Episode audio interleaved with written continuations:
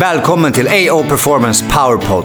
I denna podd kommer vi inspirera och motivera med massa information, tips och tankar kring träning, näring, mental träning och återhämtning. Alltså allt som du som lyssnare vill veta för att nå optimala resultat.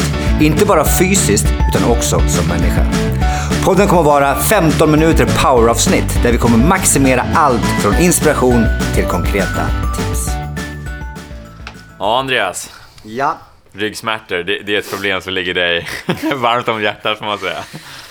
Alltså jag vill inte att människor ska ha ont. Jag själv fick ju sluta på grund av ryggsmärtor och jag vet vad jag gjorde och fick göra som inte funkade så bra. Ja. Men eh, jag vet ju också att alla gör sitt bästa med, med sin hjärtat på rätt ställe och sin bästa förmåga. Där man har blivit lärd, det tror man på och man försöker göra det. Men utvecklingen går framåt och det finns andra saker att göra som är bättre nu. Så att jag, ledsen, jag, jag vill inte vara hård med någon, men vi måste göra bättre saker. Vi måste sluta med, med sånt som bollstabilitet, sånt där som väldigt, väldigt, väldigt, väldigt få behöver. Och vi behöver träna smartare och bättre för att må bättre. Och vi har ju sett i synnerhet av den träningen som jag har trott på väldigt, väldigt, väldigt många år. Som äntligen nu forskningen börjar säga att det är så här man ska träna. Så det är ju också fantastiskt. Men jag har ju sett alldeles för mycket resultat under så lång tid. Så jag vet ju att det är, det är den vägen att gå. För att det är logiskt. Vi rör oss som kroppen är till för att röra sig. Och någonstans är det dit man vill komma. Att det ska vara logisk logik bakom det hela. Liksom. Just det. Men hur, vad gjorde skillnaden för dig då? Om du, tittar, du har jobbat med flera cases som är så här, vad, vad tror du gjorde skillnaden för, för dig och de du jobbar med? Vad är det som gör skillnaden att de inte har ont? Men jag, jag tror att en sak är att hitta... Det är ganska enkelt att säga att okej, okay, har du ont i ryggen då är du svag. Det är ganska vanligt att det är så inom skador. Så här, jag har ont i ljumskarna, om du är svag. Du ska stärka upp ljumskarna, du ska stärka upp bålen, du ska stärka upp... Man ska stärka upp hela tiden. Men jag tror att det är mer än någonting som inte hinner återhämta sig. Att, den, att smärtsignalerna säger till att jag orkar inget mer. Alltså jag behöver hjälp. Mm.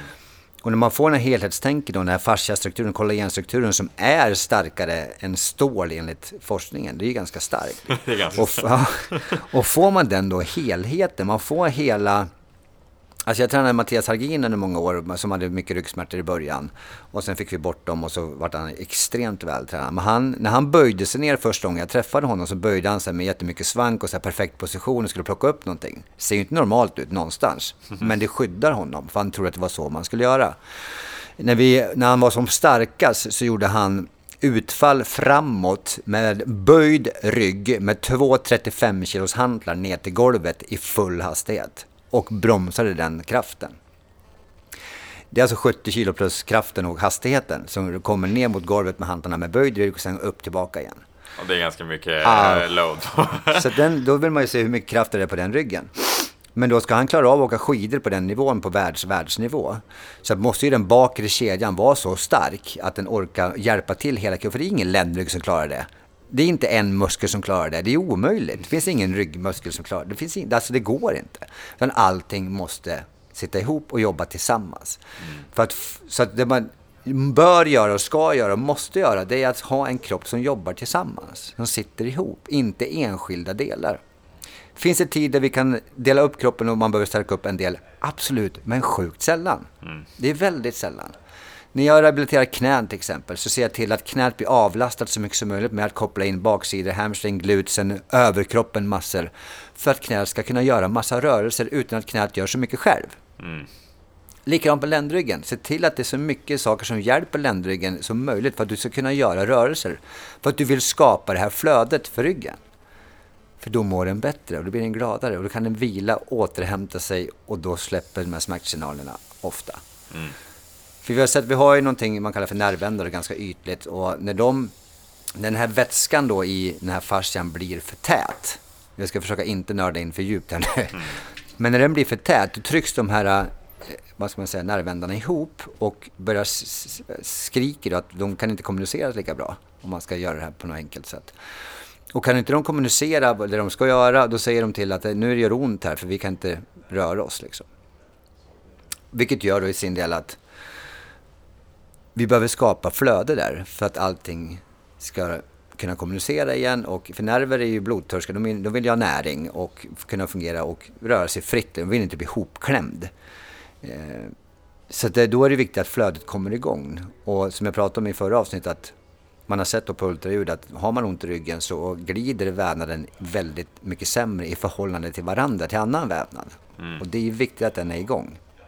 Flöde då, om man säger så, folk som inte kanske är med på vad, vad innebär alltså vi består, bara att göra alltså vi består ju av typ, beroende på hur gammal man är, men väldigt mycket vatten. Från mm. typ 95 procent med ett embryo till kanske då 50-60 procent när vi är, vi är gammal. Mm. Så att eh, flödet är ju enormt viktigt att vi har kvar. Och ju äldre vi blir så är det ju väldigt viktigt att vi får i oss mm, rätt såklart vätska och, och eh, bra mat, men också att vi rör oss så att flödet är kvar i vävnaden. För då kommer vi kunna röra oss mycket bättre ju äldre vi blir också.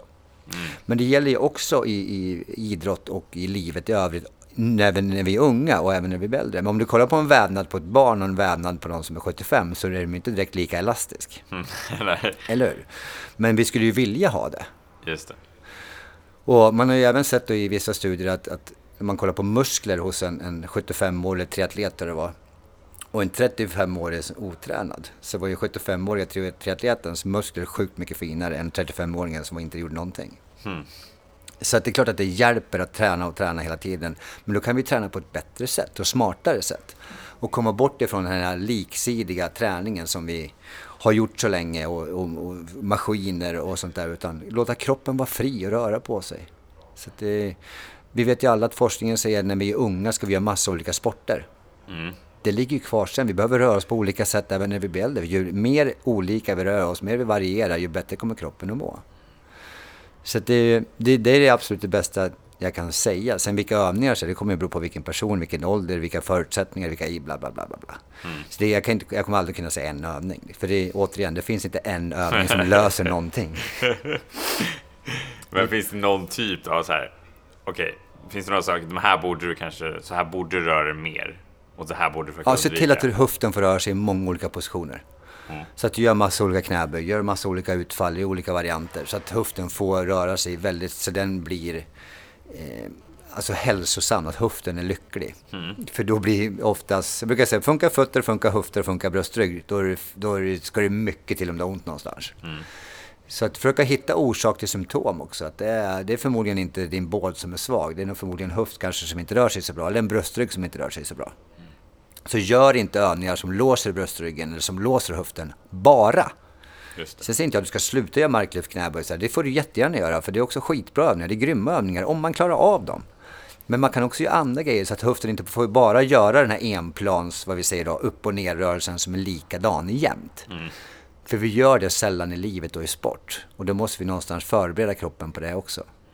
Så då kan man bra att ta ett steg till sidan också kanske? Ja, varför inte?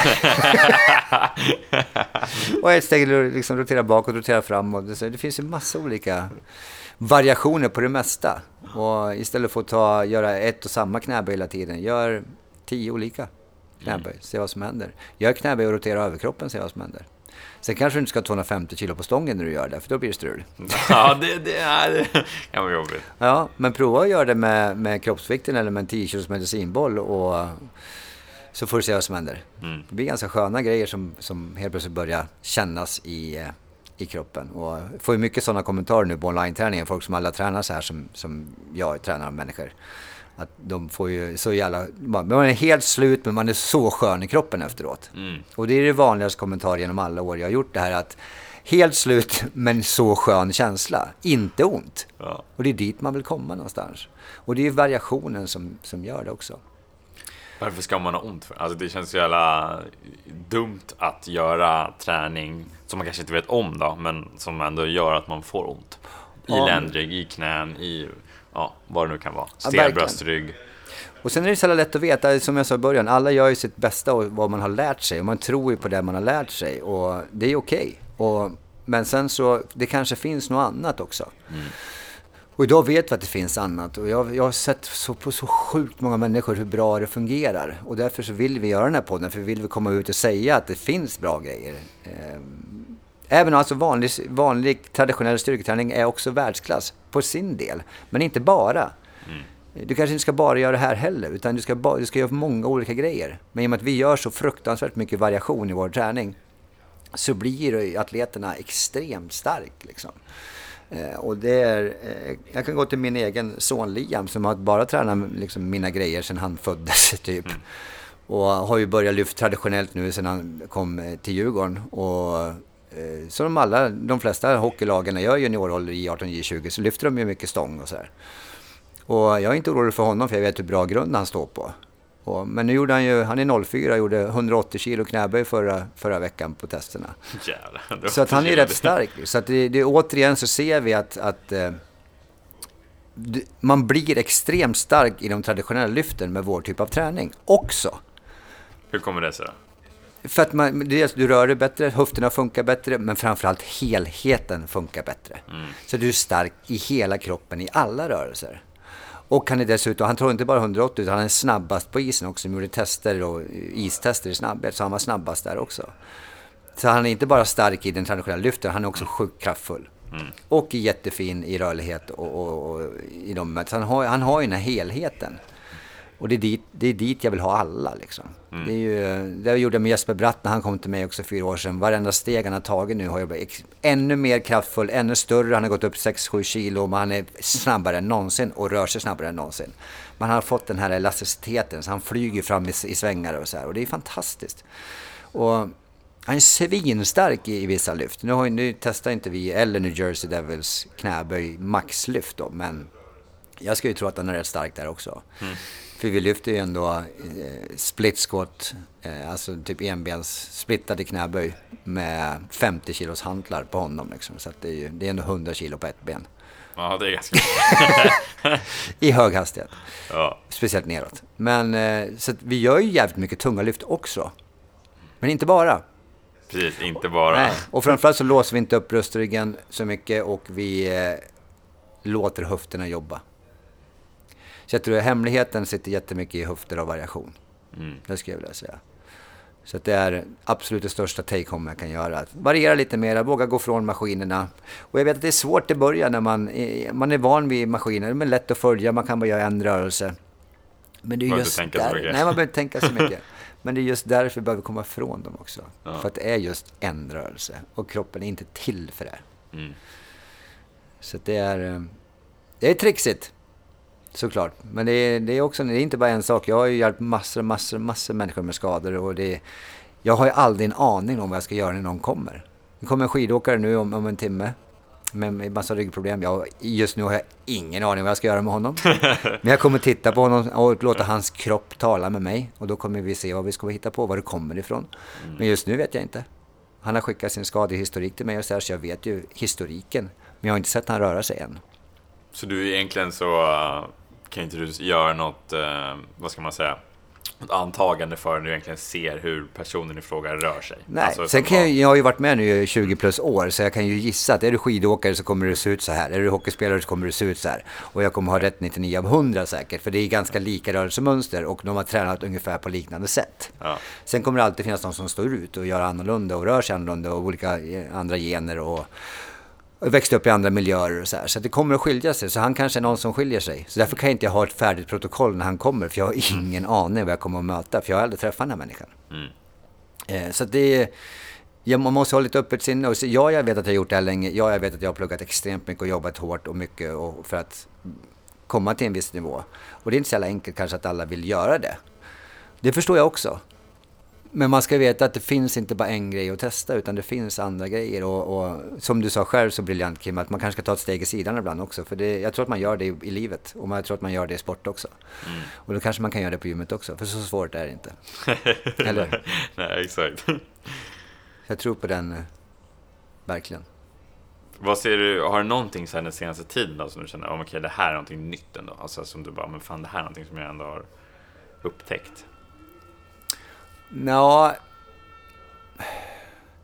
alltså det är väl mer att den här fasciaforskningen blir mer och mer legit. Liksom att det blir mer, det är så här det är, det är så här vi bör träna, att vi bör tänka mer helhet. Och genom att det är upp till tio gånger mer sensoriska receptorer i fascian än i muskler till exempel så är det ju väldigt mycket känsel som sitter där. Och då kan det ju vara fasciaskador som har hänt och vi tror att det är muskel till exempel. Och då måste man tänka annorlunda. Och då är det väldigt mycket rörelser vi måste tänka i. Liksom. Att rörelser skapar rörelser som skapar flöden, som skapar läkning.